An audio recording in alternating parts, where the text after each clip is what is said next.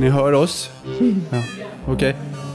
Vi sträcker på brösten och talar ut.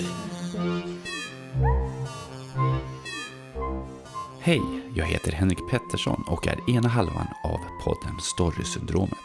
Den andra halvan är Kristina Hård och snart kommer du få höra både mig och Kristina Hård från en inspelning på Ystads bibliotek den 20 oktober 2022. Storysyndromet är en podd där vi gräver ner oss i karaktärer och händelser och letar efter de spännande berättelserna. Och det är just det vi gör med John Andrén. Vi försöker ta reda på vem var egentligen John Andrén? Och vi gör det genom att lära känna John Andréns vänner. Vill du höra mer från Storysyndromet så finns vi där poddar finns. Och nu transporterar vi oss till Ystads bibliotek och Andrénrummet. Och vi låter bibliotekarie Ingrid Borg inleda avsnittet. Då så vill jag hälsa er alla välkomna till Ystad bibliotek och till Andrénrummet. Jag heter Ingrid Borg och jobbar som bibliotekarie här i Ystad och har också förmånen att jobba lite grann med den här fantastiska samlingen. Eh, John Andrén föddes och växte upp i Ystad och vid sin död 1965 så testamenterade han sin boksamling till Ystad bibliotek. Eh, samlingen består av böcker av och om Oscar Wilde, T. Lawrence, Aubrey Wordsley och Vaslav Nijinsky. Eh, John Andrén hade noga skrivit att böckerna skulle finnas på biblioteket men fick inte lov att lånas ut. De skulle finnas i eh, skåp med glasdörrar och Eh, det skulle också fortsätta att köpas in böcker till den här samlingen. Så att vi fick också tillsammans med samlingen med böcker en summa pengar vilket gör att vi fortfarande köper in så samlingen utökas hela tiden. Eh, ikväll ska vi lyssna på Storysyndromet, en podd med rubriken John Andrén och äventyrets världar. Och det är Kristina Hård och Henrik Pettersson som kommer att prata här. Och som sagt, välkomna allihopa och jag lämnar ordet till Henrik och Kristina. Tack så mycket. Det är det här som är Storysyndromet. Kristina, tänk dig nu en ståtlig, rakryggad militär som sitter på en lika ståtlig häst. Tänk dig uniformsrocken, eh, dolman som det heter, en kort och rätt tätt åtsittande uniformsrock som har så här vackert broderade snöröglor. Där har du ryttmästaren John Andrén. Men tänk dig nu en man med en slängkappa och en gåkäpp. Och tänk dig en man med vita linnekläder och tänk dig en flamboyant man med små hundar, inte dobermann, utan små, små hundar. Och en man som är vansinnigt intresserad av det sköna i livet, de sköna konsterna med litteratur, ballett, resor, god mat och teater. Där har du ryttmästare John Andrén. Och det här är intressant. Delade han upp livet i två delar? Var han rapp och stram ryttmästare till yrket men en flamboyant livsnjutare i det privata?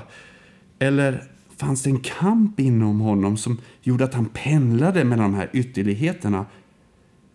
Eller var han bara den han var och sen var det inte så mycket mer med det? Och det är det här jag tycker är spännande med John Andrén. För det är ju de här motsägelserna som gör människor så intressanta och spännande. När jag börjar tänka på John Andrén och de här bilderna då börjar jag se honom som en huvudperson, en här, härlig deckare som utspelar sig i början av seklet. En svensk Hercule Poirot eller eh, en variant av den fåfänge Vesper Jonsson. Vet du vem det är? Nej, tror inte det. Ja, det är den här eh, Stig Trentes prydliga ja, ja, polis. Han som går omkring med en pincett och drar ut gråa hårstrån ur sin mustasch. det var länge sedan jag läste. Och, och han hade höga klackar för han var lite fåfäng. Och, Jag har ju Hercule Poirot också. ja, se där, saker hänger ihop, eller hur? Och när jag ja, nu läste på om eh, John Andrén så kände jag att jag skulle vilja följa med på en av de här kryssningarna han gjorde när han reste runt. Och jag skulle vilja se honom äta mat där. Jag skulle vilja se att någon dör på den här kryssningen, en mystisk död. Och vem tar itu med det här? Jo, den märkliga militären som sveper runt sin slängkappa över axlarna och så löser han alla de här mysterierna som händer på båten. Det är lite grann John Andrén för mig. Den fiktive John Andrén. Ja, det blev det med namnet. Han, för han läste nog aldrig något mord. Jag tror i alla fall inte det. Ja, Man vet ju inte. man vet aldrig. Men jag tycker vi ska dyka ner i, i skönheterna. Här ska du få lyssna.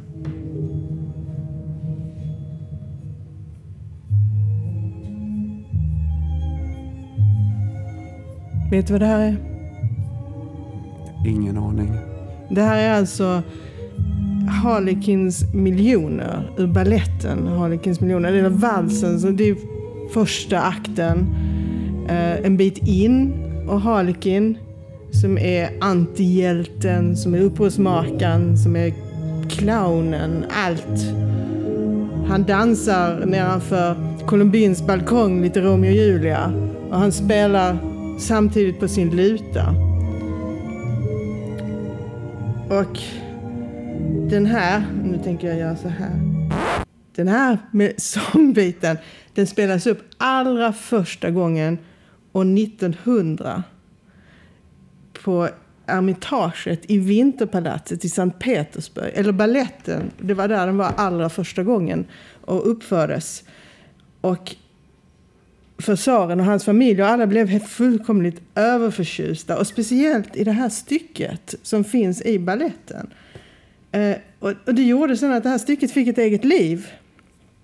Och det spelades, det blev stort, det spelades över hela världen. Alltså det, det gick som en, en våg över världen och det spelas in av massor med orkestrar. Det finns massor med stenkakor med det här låtstycket. Folk dansade till det. Man gick ut och dansade vals. Den kallades för Bostonvalsen i USA. Och den var hur stor och populär som helst. Och det var den här musiken som John Andrén ville ha som sin begravningsmusik. Och som spelades upp i kyrkan på orgel i halvfart så folk inte skulle tycka att den var för glättig. Oj. Var det hans önskan att det skulle vara på halvfart? Jag vet faktiskt inte det. Jag uppfattade det som att man kanske var rädd att man gjorde det. det ja. Och sen så, den, med musiken, den, den fanns, den blev sen stor under mellankrigstiden för att någon satte ord till den och sjöng sånger. Det började som i Italien och, och, och, den översattes och den sjöngs eh, i, på massor med olika språk, även på svenska. Av, av, eh, vad är det han heter, både, vad heter han förnamn? Nu glömde jag det. Bode, Bo, Bo, ja han som det var väldigt skandal om susar. Ja. Men, mm. Han gjorde också sin version. Johnny det, Bode. Johnny Bode. Och den, den är nästan lite... Om man lyssnar på den så är det nästan lite eh, så här känsla av Hawaii-toner i det. Ja, det är sant. Det är nästan lite kryssning också. Ja. Ja. Överhuvudtaget den här sången är nog större. Det är nästan så att vi har glömt bort den. För den var helt ny för mig när jag började lyssna på den. Men den fastnar. Och den är faktiskt väldigt fin. Så den kanske kan få en ny vända om någon, någon stor artist plockar upp den och gör något av den. Jag kan mycket väl tänka mig det. Eh, och den har till och med hamnat i en roman. ehm, av en, eh, en nutida roman av en som heter, jag hoppas jag säger- uttalar det här rätt, Bohemil Chabal från Tjeckoslovakien. Eh, om ett slott som en gång ägdes av greve Spork. Som, och, omvandlades, och slottet är omvandlat till ålderdomshem med utsikt över Nymburk, byn som tiden, där tiden stod still. Och i högtalarna spelas just den här låten nonstop för att lugna gamlingarna. Det låter fruktansvärt. På en sån vacker låt. Nonstop. Ja, men överhuvudtaget Harlequin som de här ballett, den här balletten hamnar om, det är en gammal figur som har funnits med ända sedan typ 1500-talet och, och, och var först med teaterföreställningar och sen blev balletter. Eh, Och eh, 1900 så var det första gången den här uppfördes. Men ballett säger du? Då, då, då, då fattar jag din tanke här och din övergång nu till en av eh, John Andréns eh, favoriter här. Då. Balletten. Är det så? Nijinsky ballett, eller? Så är det ju faktiskt. Eh, och, och, och det, vad jag hittade och vad jag tyckte var faktiskt väldigt nästan fint. Alltså Nijinsky så var en stor ballettdansare. Och han började redan som liten eh, att dansa ballett för han hade föräldrar som dansade och de satte honom vid Imperial Ballet School i Sankt Petersburg. Och det är Imperial Ballet School som uppför den här balletten, inte barnen utan de mer då vuxna dansarna eh, som, som, som dansar den här. Och då var han 11 år gammal och hade gått i skolan i tre år. Så det är mycket möjligt att Nijinsky var en av dem som först hörde den här musiken. Harlequins miljoner. Han kanske stod där bak i kulisserna och kikade när de dansade för tsaren. Han kan ju ha gjort det. Och så blev han dansare sen. Ja, han var redan dansare Ja, då. jo. Han, var, ja, han, han, han, han började som sagt tidigt att dansa och han har beskrivits som en, att han till och med han kunde hoppa så högt i balletthoppen att han kunde stå still i luften. Åh herregud. Och han dansade på tå, med tåspetsskor. Gjorde inte alla det? Inte männen. Det är ju sån här kvinnogrej. Men han dansade med tåspetsskor. Eh, och, och han har beskrivit som att han var en ängel, djur, en blomma, en prins. Han var en lidande varelse fylld av välsignad fantasi och poesifylld nåd och mystiska insikter. Hans namn är oförglömligt så länge det dansas på denna jord. Åh, Så mm, den fina konsten. Ja, men han var också... Och han dansade säkert också Harlekin, men han var också lite av en Harlekin själv, tänker jag. Eh, han lämnade den här Imperial Ballet School och började vid ryska balletten. Som, det var en som hette Diaghilev, Serge Diaghilev, som hade startat ryska balletten. eh, som sen tog sig till Paris. Och det hade hängde ihop med ryska revolutionen och sånt också. Det var många ryssar som lämnade eh, Ryssland för att de skulle få lov att uttrycka sig kanske mer om de lämnade. Han, blev, han var stor dansare, han var en av huvuddansarna vid, vid, vid ryska balletten. Eh, eller leddansarna, tror jag man säger. Och han var även koreograf, alltså han satt ihop balletter.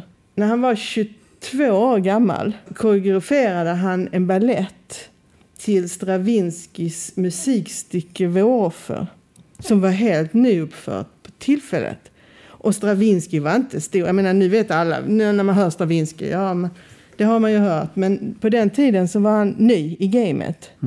Och han hade gjort två musikstycken innan kombinerat med balletter, eld och eldfågel och Petrushka som var väldigt, hade gått väldigt bra. För det var vacker ballett och det var de här svävande rörelserna och det var tår som pekar åt rätt håll när man dansar och fingrar som hålls ihop på rätt sätt och det liksom ger den här den här upplevelsen av en ballett, att de tycks sväva och så vidare. Magiskt. Magiskt. Och sen så 1913 så skulle de uppföra Våroffer. Och det var en total katastrof. Vad händer nu? För första musikstycket av Stravinsky kan vi idag säga var helt nyskapande och har liksom påverkat jättemycket. Eh, Men på den tiden så var det, ja, det har beskrivits som, beskrivits som ett djur som vänder sig i sin bur och aldrig tröttnar på att stöta huvudet mot galler. Så lät det. Oj, inte magiskt nu. Och, och, och jag vet, ni kanske, eller du kanske har hört det för att i Disneys film Fantasia, det är den musiken. Jaha. Det är, det är Stravinskys musik. Han var inte glad över Disneys, hur de hade gjort med det. Sägs det. Och sen så var publiken indelad i, man kan säga två grupper. Det var, man, man har sagt det var de med, de med pengar och de med kulturellt kapital.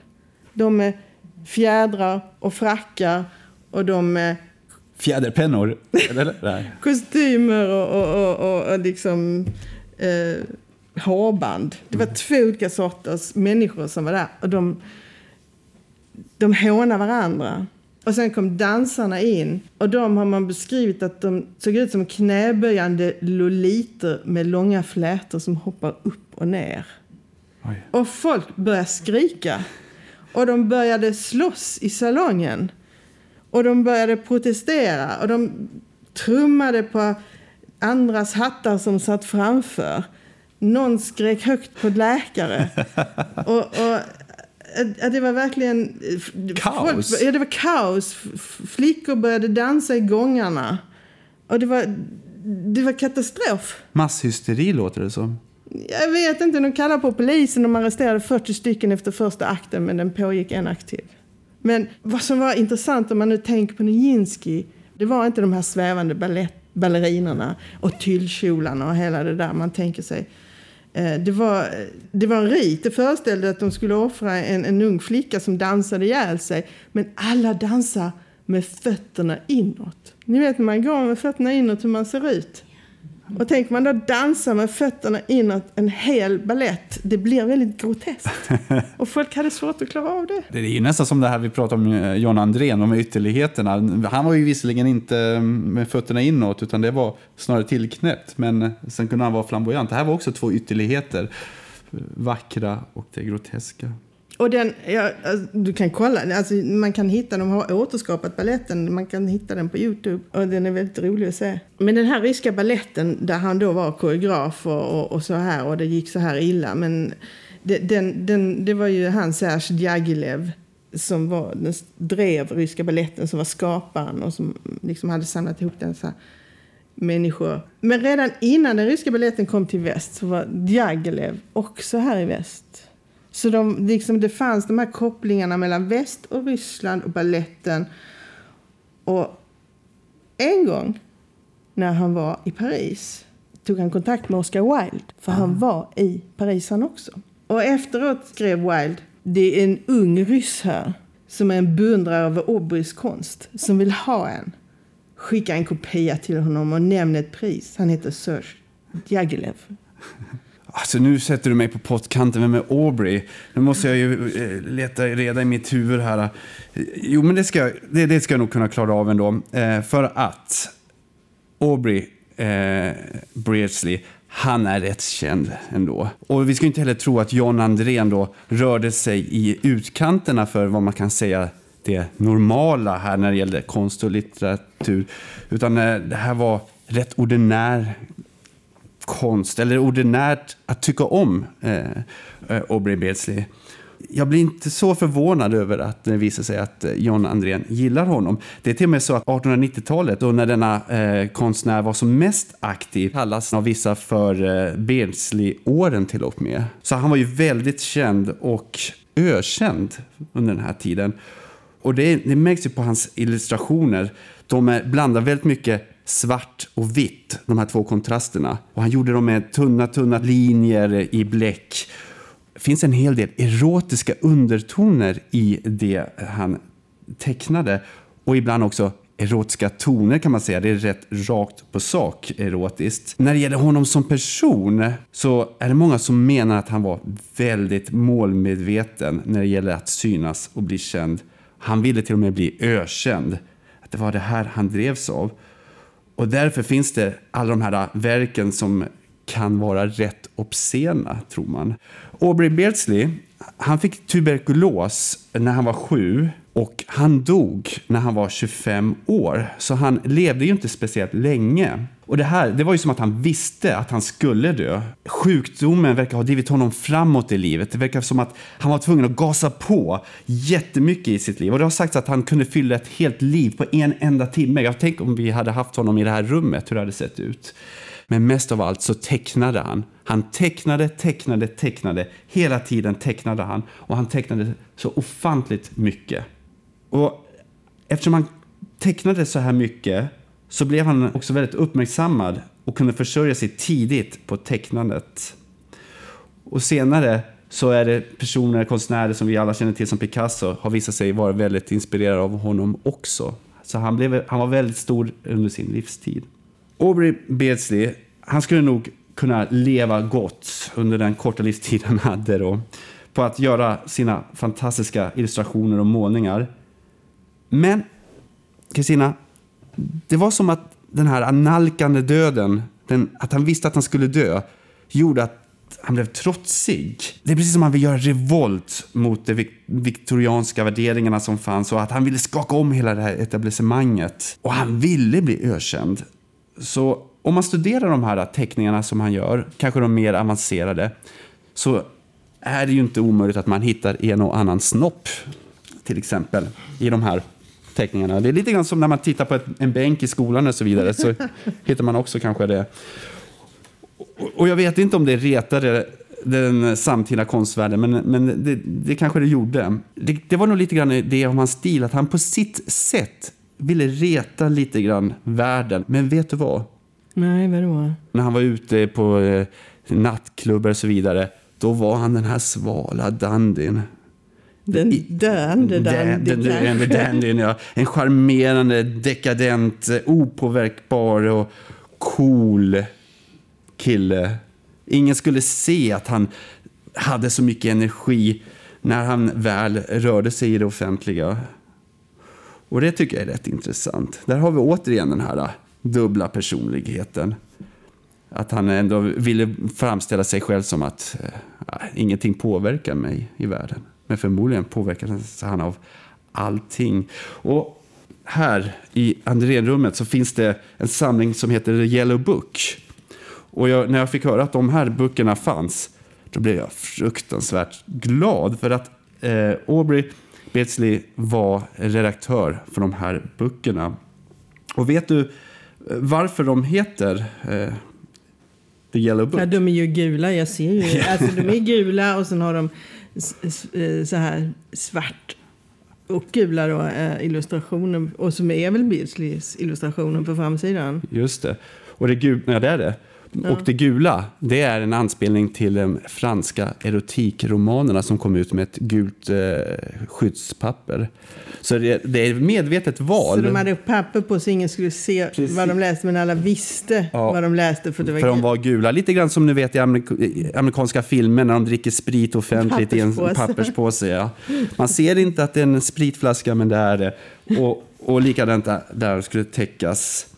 Och eh, Oscar Wilde och Aubreys vägar, de korsades ju givetvis. Eh, eh Aubrey, eh, Aubrey Beardsley, han gjorde illustrationer åt Wildes eh, pjäs Salome. Eh, och de här bilderna, de var såklart minst sagt vågade. Chockfaktorn var hög och jag kan tänka mig att både Wilde och eh, Beardsley, de trivdes när de hörde eh, kommentarerna. Men jag tror också att det kanske blev för mycket för Wilde. För snart var det nästan bara illustrationerna människor pratade om. Pjäsen, den försvann nästan bakom kulisserna. Den, han, Aubrey Beardsley stal showen helt enkelt med sina illustrationer. Och kanske var det för mycket för Wilde, jag har ingen aning. Men det är också den här kopplingen till uh, Wilde som ödelade livet för Beardsley. Eller det goda livet kan man säga. För när Wilde blev arresterad så gick han faktiskt med en gul bok under armen eller i handen. Och nej, nej det var inte The Yellow Book. Det var en fransk erotisk fanns porrtid. Givetvis. vad, vad tror du? Men det här, det här snappar ju moralpoliserna upp i, i omgivningen, i samhället. Och samtidigt så som Oscar Wilde fängslades och krossades så krossades också Aubrey Beardsley på sitt sätt. Eh, han sattes inte i fängelse, men för att använda ett samtida uttryck, han blev cancelled. Ingen ville ha någonting med honom att göra längre. Han förlorade alla sina jobb. Och misstanken var homosexualitet här. Eh, många hade nog i huvudet just den här kopplingen mellan, eh, med Oscar Wilde som att de två hade nog någonting ihop. Och det gjorde ju att den här domen eh, spillde över på Mm. Aubrey Beardsley. Så tyvärr, det är väldigt tragiskt för både eh, Wilde och Beardsley. Beardsley tvingades sälja allt han hade. Han tvingades flytta från London. Och hans sista tid i livet, det var en hård tid kantrad av ekonomisk osäkerhet innan han dog. Så han levde verkligen ett helt liv från uppgång till fall och med allt däremellan på 25 år. När dog han? Vet du det? Åh, när dog Au- Aubrey Beardsley? han- Diaghilev var i Paris 1898 och då ville han ha konst från Beardsley. Han dog Han 1800. dog Ja. samma år. Ja. Ja. Och, och, och det är liksom, där samlas de ju. Som, och, och, och, och för att den här konsten som sen influerade hans balletter, det blir liksom som en mötespunkt där. Ja. Även Wildes eh, berättelse som inspirerade Diaghilevs ryska ballett och Nijinsky i sin tur. Just det. Ja, Oscar Wilde. Ska vi sä- säga någonting om Oscar Wilde? Eh, ja, han dog 1900. Två år efter eh, då Beardsley. Beardsley. Och det vet jag för vår allra första podd vi gjorde. Vi gjorde en podd om tapeter. Och det är ett väldigt spännande ämne. Fantastiskt ämne. Och, och då är det så att på 1800-talet så fanns det tapeter som bland annat gröna tapeter som var väldigt populära. Men det var ju arsenik i den gröna färgen. Och det sades då att, eh, eh, att när eh, Wilde dog, han dog i Paris på Hotel d'Alsace in Saint-Germain-de-Pré i rum nummer 16. Och det sägs att hans sista ord var min tapet och jag för en duell intill döden. En av oss måste bort. Och det var säkert kanske gräsliga gröna tapeter där tänkte vi då. Men det var, vet vi inte. Men han dog faktiskt av hjärnhinneinflammation så det, det var nog inte tapeterna. Men, Gula eh, tapeter. Ja, eller gula tapeter. Men han, han dog alltså 1900 och det var också det året när Harlequins miljoner, den här musiken, första gången spelades upp. Så um, allt hänger ihop. Allting är... Allt hänger ihop. För mig har alltid Oscar Wilde varit de här liksom citaten och, och så. Och jag vet att jag fastnade tidigt för den här det bästa sättet att undgå en frestelse är att falla för den.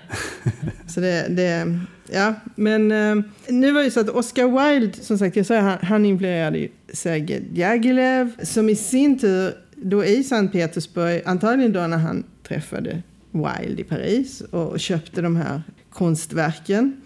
Eh, så, så fanns det något som hette Mir Iskutsva i, i Sankt Petersburg som Diaghilev var med eh, och startade där han var redaktör. Och det, var, det var ett sällskap som ja, de, de gillade den västerländska litteraturen, så som Oscar Wilde, som Beardsley eh, och så vidare. De läste sådana, och så de var väldigt influerade. Så de, det fanns redan kopplingen där. Och, eh, och Wilde, han var ju med och, och startade Estetiska sällskapet som också hade den här filosofin som de plockade upp i Sankt Petersburg. Men han, ja... Jag vet inte riktigt hur vi ska... Vi, vi, vi funderar på det. Hur, hur ska vi koppla... Till, till, till Lawrence. Ja, hur ska ja. vi koppla en militär Lawrence till 14 exempel? år senare. ja. Hur går man från Oscar Wilde till honom? Och då, alltså den enda, det enda jag, jag liksom, eller inte det enda, men en, en grej som jag liksom tänkte på det är så att Wilde dör 1900. Ja. Inte av arseniktapeter, men mm, ändå tape, tapetkopplingen fanns där, arseniken. Arseniken. Och 14 år senare, i andra världskriget, så, eh, så kämpar Lawrence mot turkar i öknen. Eh, Och han har då en Rolls Royce, världens bästa bil. En modell Silver Ghost. En bepansrad stålelefant kallades den. Och det var för att biplåtarna var förstärkta med arsenik. Arsenik. Okej. Lite Ja, långsökt den En halvdan koppling. En halvdan koppling. Arsenik. Nej, vet du vad? Eh, Jag har ett citat istället av Oscar Wilde. Okej. I själva verket är hela Japan inget annat än ett påhitt, skrev Oscar Wilde 1889. Det finns inget sådant land, det finns inga sådana människor. Och det här var en kommentar till det som kallades för japonism. Och det var när konstnärer och fotografer skapade en bild av det här landet som hade varit isolerat men nu öppnats upp. Och det är ungefär samma sak som Edward Said sa när han talade om orientalism. Att Orienten, det är ju eh, Asien, Nordafrika och Mellanöstern. Eh, han menade på att vi i väst skapar berättelser och bilder av hur någonting är i de delarna utan att låta de människorna i de delarna få berätta hur de upplever sitt eh, liv eller hur det är, utan det är vår bild som får bli den eh, eh, riktiga bilden. Ungefär som Oscar Wilde med sin japonism. För han menade på att det finns inget Japan för att det är bara en bild av Japan som vi hittar på. Men jag tycker fortfarande den diskussionen finns i litteraturen idag. Det här med att man, man skriver om något man inte känner till. Eller hur? Ja. Det är Att nästan större nu idag än, än vad det förmodligen var på den här tiden. Och då tänkte jag, nu kommer övergången, Kristina. kommer- mm. Nu kommer Då går vi från Edward Said till Thomas Edward Lawrence, känd som Lawrence of Arabia, eller Lawrence of Arabien. Och det är hans bild av Arabien som jag fick i alla fall till stor del när jag såg filmen om honom. Och det här, denna engelska arkeolog och eh, militär, han gav ju världen, mystiken, ett ansikte. Gjorde han inte det? Det var ett vackert ansikte med vakna blå ögon och en skarp blick. Eller vänta, jag pratar nog om Peter Tool faktiskt. Jag pratar om den bilden jag har fått av eh, T.E. Lawrence. Låt oss prata om filmen. Det, det är mycket möjligt att John Andrén han ser filmen eh, Lawrence of Arabia som kom 1962. Men det var, vi kan vara helt säkra på att det var inte filmen som fångade hans intresse av T.E. Lawrence.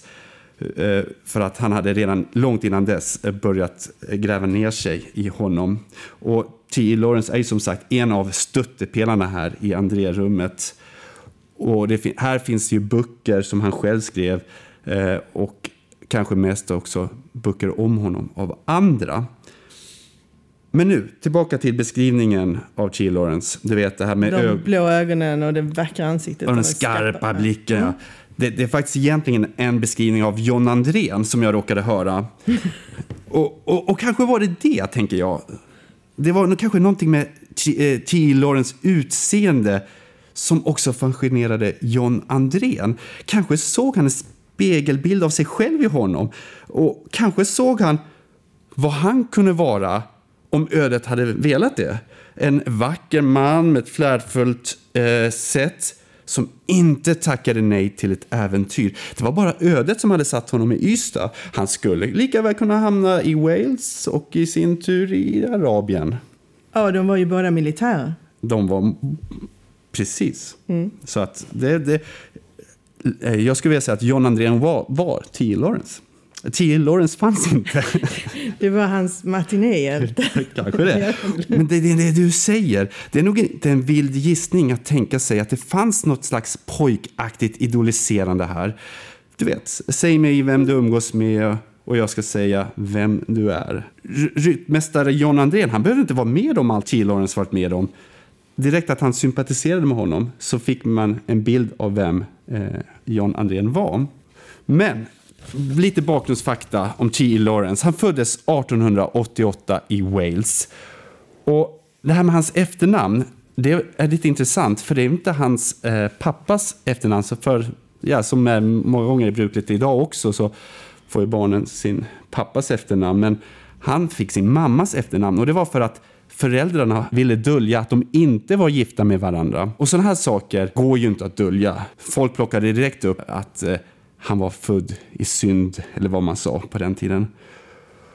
Och för T. Lawrence så fanns det säkert en utmaning att hantera omvärldens syn på honom. Och tidigt så lärde han sig nog att bli avläst och tolkad. Och han lärde sig nog att parera lite grann för att komma bort ifrån människors anklagade blickar och så vidare. Men hans pappa var ju adlig. Och det här öppnade upp vägar för honom trots allt. Och det är det som gjorde att han trots sin kanske lite då svåra situation i början gjorde att han kunde bli arkeolog och sen bli militär och så hamnade han i Mellanöstern. Men arkeolog på den tiden det var väl lite mer eh, Indiana Jones-stuket också. Det var kanske inte riktigt... Han kanske, gjorde, han kanske blev det för att komma bort ifrån allas blickar. Men det var väl, det var väl en, en, en rätt häftig grej för att de hade inte så mycket regler då, tror jag. Jag ska inte säga, men jag tror att det var... De grävde och sen så plockade de med sig hem. Eller hur? Ja. Och, och så tänker vi då så här, vår bild av T. Lawrence kommer förmodligen från filmen. De flesta har sett filmen med Peter O'Toole. Och i Mellanöstern så var det en person, en eh, amerikansk journalist, som eh, såg den här eh, arkeologen och militären med arabiska ökenkläder och tänkte här har vi en story. Jag vill skriva om den här mannen. Och så, på så vis så kom ju de här kända bilderna, du vet, med, eh, med Lawrence of Arabia, med sin beklädnad och med sin blick som vi känner alla till. Och sen alltså skrev, som jag nämnde, eh, T. Lawrence själv om, eh, om sitt liv och levande och påverkade bilden av sig själv. Men det, det finns en, eh, en bok som jag tycker väldigt mycket om som heter The Science of Storytelling. Och i den boken så skriver författaren, eller författaren gör en eh, analys av filmen. Författaren heter Will Storr. Och han menar att det enda som driver Lawrence of Arabia framåt, det är frågan Vem är jag? Och så länge eh, Lawrence of Arabia ställer den frågan till sig själv så hamnar han i olika situationer för han försöker få ett svar på den här frågan. Och i början av filmen så har T. Lawrence en väldigt klar bild om vem han är. Han är lite fåfäng och han är lite smått upprorisk. Har vi hört det här förut? Det är flera män som har varit där va? Han är ganska oförskämd. En liten harlekin. Ja, en liten harligan och han är väldigt självupptagen. Mycket, mycket självupptagen. Men det är det här sättet han tar sig fram på. När han är på det här sättet så känner han att han kan kontrollera världen. Han kan kontrollera sin omgivning. Och den här självbilden gör också att han känner sig väldigt överlägsen. Och det är som att han tänker att om jag inte agerar med fåfäng upproriskhet kommer jag känna mig osynlig av människor jag beundrar. Så han måste vara så här. Han måste synas. Annars är han ingen. Men det är också det som gör att han hamnar i de här situationerna eh, som han hamnar i. Ni kommer ihåg kanske en del i filmen när han eh, eh möter Sheriff Ali som eh, är arabernas ledare. Sheriff Ali har precis dödat, tror jag det är, eller misshandlat någon. Och T. Lawrence går fram till honom och säger Sheriff Ali, så länge araberna slåss stam mot stam kommer de att vara ett litet, dumt, girigt, barbariskt och grymt folk. Precis som du. Och sådana saker kan ju ingen säga om man inte är uppfylld av sig själv och tror att man bär på alla världens eh, lös lösningar och svar. Och, och det här funkar ju. Sheriff Ali, han tar ju till sig Lawrence som nu blir Lawrence of Arabia. Så Lawrence, han, han hittar sig själv nu ju. Han, han kan ju svara vem han är när han ställer sig den här frågan. Vem är jag? Jo, jag är en sanningssägare. Jag vet vad som ska göras. Jag är en väldigt handlingskraftig och bestämd man. Och eh, när man är på den vägen så vet vi vad som brukar hända. Vi har hört om tillståndet för hybris, eller hur? Man faller ner i, ja, Ja. från pedestalen man Precis. har ställt sig på. Och det hände här också. Jag, jag har svårt att tro att det här är i filmen. Det är svårt att tro att man hade kunnat säga en sån sak i verkligheten. Det känns som diplomati hade passat bättre, men det är inte lika... Ja, men det är det som är grejen ju. När man, har, när man är så uppfylld Ja, sig, man ja. klarar av att säga, jag vet, tänk dig Trump, Ja, jo, jo, jo. Putin. De kan säga precis vad som Ja. helst. Helt plötsligt blev det Det okej. sant. Ja. Och de tog sig fram på ett sätt som få av oss kunde tro. Och vad händer när det är hybris? Jo, man tror att man kan inte bli tagen, man är osynlig. Man kan göra precis vad som helst. Man kommer inte bli upptäckt eller tillfångatagen av fiender och så vidare. Och det hände med just Lawrence of Arabia. Han trodde att han inte skulle bli tillfångatagen. Och han säger till mig att han är osynlig i en scen och då blir han plockad. Då blir han fångad. Och det här, när han blir tillfångatagen då blir han ju också krossad. Helt. Han blir helt förstörd. Och han tvingas att omvärdera sin syn på sig själv. Och sedan, när han är i frihet, så säger han till sin general att nu vill jag hem. Jag vill inte vara kvar här. Varför då? Var, varför vill du lämna? Jo, jag är en vanlig man, säger han. Så nu har han fått en ny bild av sig själv. Nu är han en vanlig man och nu duger inte han till någonting. Men vad har hänt? Omvärlden tycker att han är fantastisk ju. Han är makalös. Han är gudomligt handlingskraftig. Du, du, du kan ju göra hur mycket som helst här. Så tänker han, ja. Ja, jag kan nog göra det. De har nog rätt. Så vem blir nu Lawrence of Arabia? Jo, han blir en handlingskraftig, orädd militär som blir som en mördare. Jag vet inte om du kommer ihåg hur han liksom Nej, hugger vilt. Ja. Och, ja, det är riktigt otäckt. Han går riktigt långt. Och, och han blir som Sheriff Ali var i början av filmen, den som han bannade. Så han blir den personen som han skällde ut i Han början. blir sin värsta fiende. Ja, han blev det sin värsta fiende. Och det finns en fantastisk scen i filmen som jag tycker om. Det är när han kommit ut, eh, han har varit vandrat där i öknen och kommer ut och kommer till eh, Suezkanalen, Suezkanalens strand, så står han där. Eh, och så kommer en motorcykel på andra sidan stranden. Och mannen på motorcykeln ser liksom den här konstiga vita mannen med de arabiska kläderna. Och liksom, vem är där? Så han stannar ju sin motorcykel och så ropar han Who are you? Who are you? Och kameran, den filmar Peter O'Toole. Den filmar Oscar Wilde, höll jag på att säga. Den filmar T.E. Lawrence som bara står och tittar. Han fryser till is. Precis som att han har ingen aning. Han bara står där och sedan bryts scenen. Så att det är en rätt mäktig scen och T. Lawrence känns helt förintad. Han har ingen aning om vem han är. Och det här, det, det, det är övergången till vem var John Andrén? Har du svar på den frågan? Både ja och nej. För jag tror, jag, tror, jag tror att på något sätt så var han lite av varje av de här individerna. Han har lite, i, lite av dem i sig på något sätt. Man, får inte riktigt, man kan inte riktigt greppa honom. Jag tycker det är svårt att greppa John Andrén. Ja. Om man nu ska säga att det finns någon sorts Harlequin-figur i dem alla ja. så var han också, eh, också en Harlequin-figur. Där han liksom, hur han gjorde och hur han uppträdde eh, utåt. Som du pratade om, slängkappan och, och, och, och att synas. Och Vi diskuterar ju det här. Vad hade hänt om alla dessa hade varit influencers och haft tillgång till Instagram? Det hade varit förfärligt. ja. Och, och, de hade ju haft hur mycket ösa ur som helst. Jag tror att John André hade kunnat ösa ur hur mycket som helst. Bara för att ge liksom, mer glimt av sitt liv. Och nu får vi det genom hans samlingar istället. Ja, och, men jag tror att John, män som John Andrén, eller människor eh, eh, som John Andrén, Men det kanske oftast är män, jag vet inte. det känns som självupptagna män.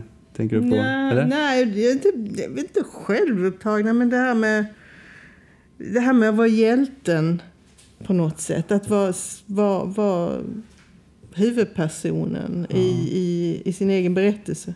När jag var ung så var jag väldigt påverkad av Oscar Wilde. Jag tyckte det var en fantastisk berättelse om honom. Men vilket tragiskt liv levde på många sätt och inte eh, få utlopp. Eh, och, och, men det, är ju, det de här människorna ger oss ändå är så i våra berättelser, det är precis som vi behöver de här, deras berättelser för att kunna leva våra liv också. Det är deras personligheter som gör berättelser, tänker jag.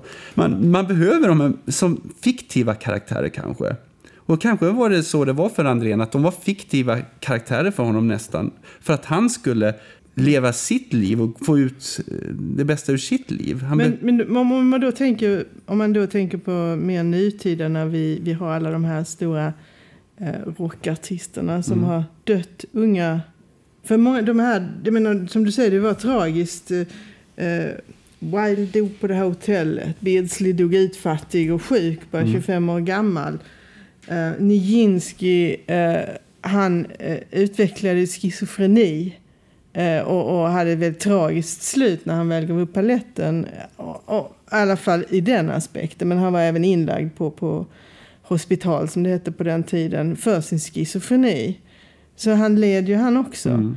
Och, och eh, Lawrence, han dog ju i en olycka eh, när han körde sin motorcykel. Eh, och har du sett den där, du, du sett begravningsfilmen? Ja. Man ser, de visar bilder där lite från, utifrån hans begravning och kyrkan och sånt där. Och, och, och jag tycker det är nästan lite makabert, men det kanske också är, är, är lite från den tiden man får se man får se en bild på stackaren som cyklade på cykeln som han kolliderade med. Här står han, liksom han som hade ihjäl Lawrence. Utpekad. Ja. Ja. Och alla hade, men, men John Andrén överlevde ju ändå sina hjältar. Ja. Och, men vad gjorde John Andrén? Han levde ju ett lugnt och behagligt liv på sitt sätt. Okej, men han åkte ju på massor med kryssningar och, och, och åt god mat. Han gick ju på teaterföreställningar. Han gick på operan jättemycket Ja. i, i, när han bodde i Stockholm. Och, och den här musiken som, som jag spelade upp innan, den spelades ju in i Stockholms konserthus 1943. Och kanske satt han i publiken när den spelades in. Kanske hörde han den musiken där också som vi har hört. Ja, men han var ju ändå en njutningsmänniska. Han hade det nog rätt bra ändå. Ja. Och, och, men han gjorde ändå... Han var rebell ändå vill jag säga. Ja. För jag tänker mig, han gick på Ystads gator. Jag kommer inte helt ihåg relationen. Det var en som var släkt med, med eh, John Andrén som berättade att när hon var liten så gick hon med John Andrén på Ystads gator och han gick där med, med sin slängkappa och hon skämdes. Och hon tyckte det var lite jobbigt att han tog plats på det här sättet. Men det tycker jag är rätt talande. Han vågade vara rebell ändå. Han, han vågade vara den här dubbla personligheten. Han var militär, ryttmästare och han stod för det. Men han var ju också den flamboyanta mannen som älskade mat. Och, och litteratur och, Och konst. litteratur och konst. allt. Och jag kan ju tycka att den här då begravningsmusiken, om vi ska kalla den det, som spelades på halvfart, det kanske var fel. Den kanske skulle spelas i normal takt. I full fart, för att han ville ju ändå leva sitt eget liv i rätt full fart. Du har helt rätt. Ja. Och, och, och, det, och det ville ju alla de här männen som han samlade på. De ville leva full fart. Full fart. Full fart hela tiden. Det fanns, man, man pausade aldrig. Och jag vet att du nämnde Picasso innan som hade då influerats av Beardsley. Eh, och, så, eh, och som rörde sig också i de här kretsarna och träffade de här människorna. Så att eh, de hänger alla ihop. Och han använde gärna just Harlekin som motiv i sina målningar under speciellt det de kallar den rosa perioden. Och då, då finns det en tavla som heter Harlekins död. Där ligger Harlekin på sin dödsbädd.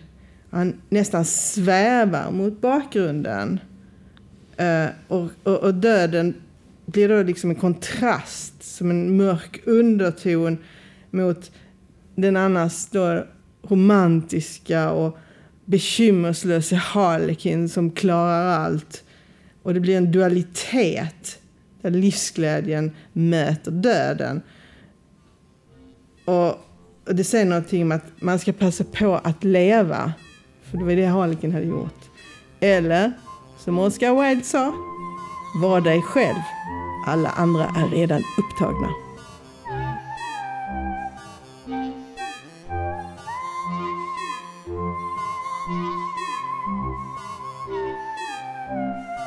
Du har lyssnat på Storysyndromet med författarna Kristina Hård och Henrik Pettersson.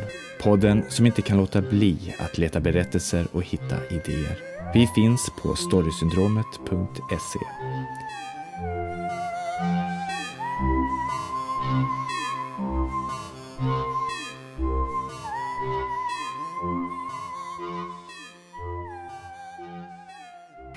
Klockan är sju. Jag vill säga tack så mycket. Han är skitglad.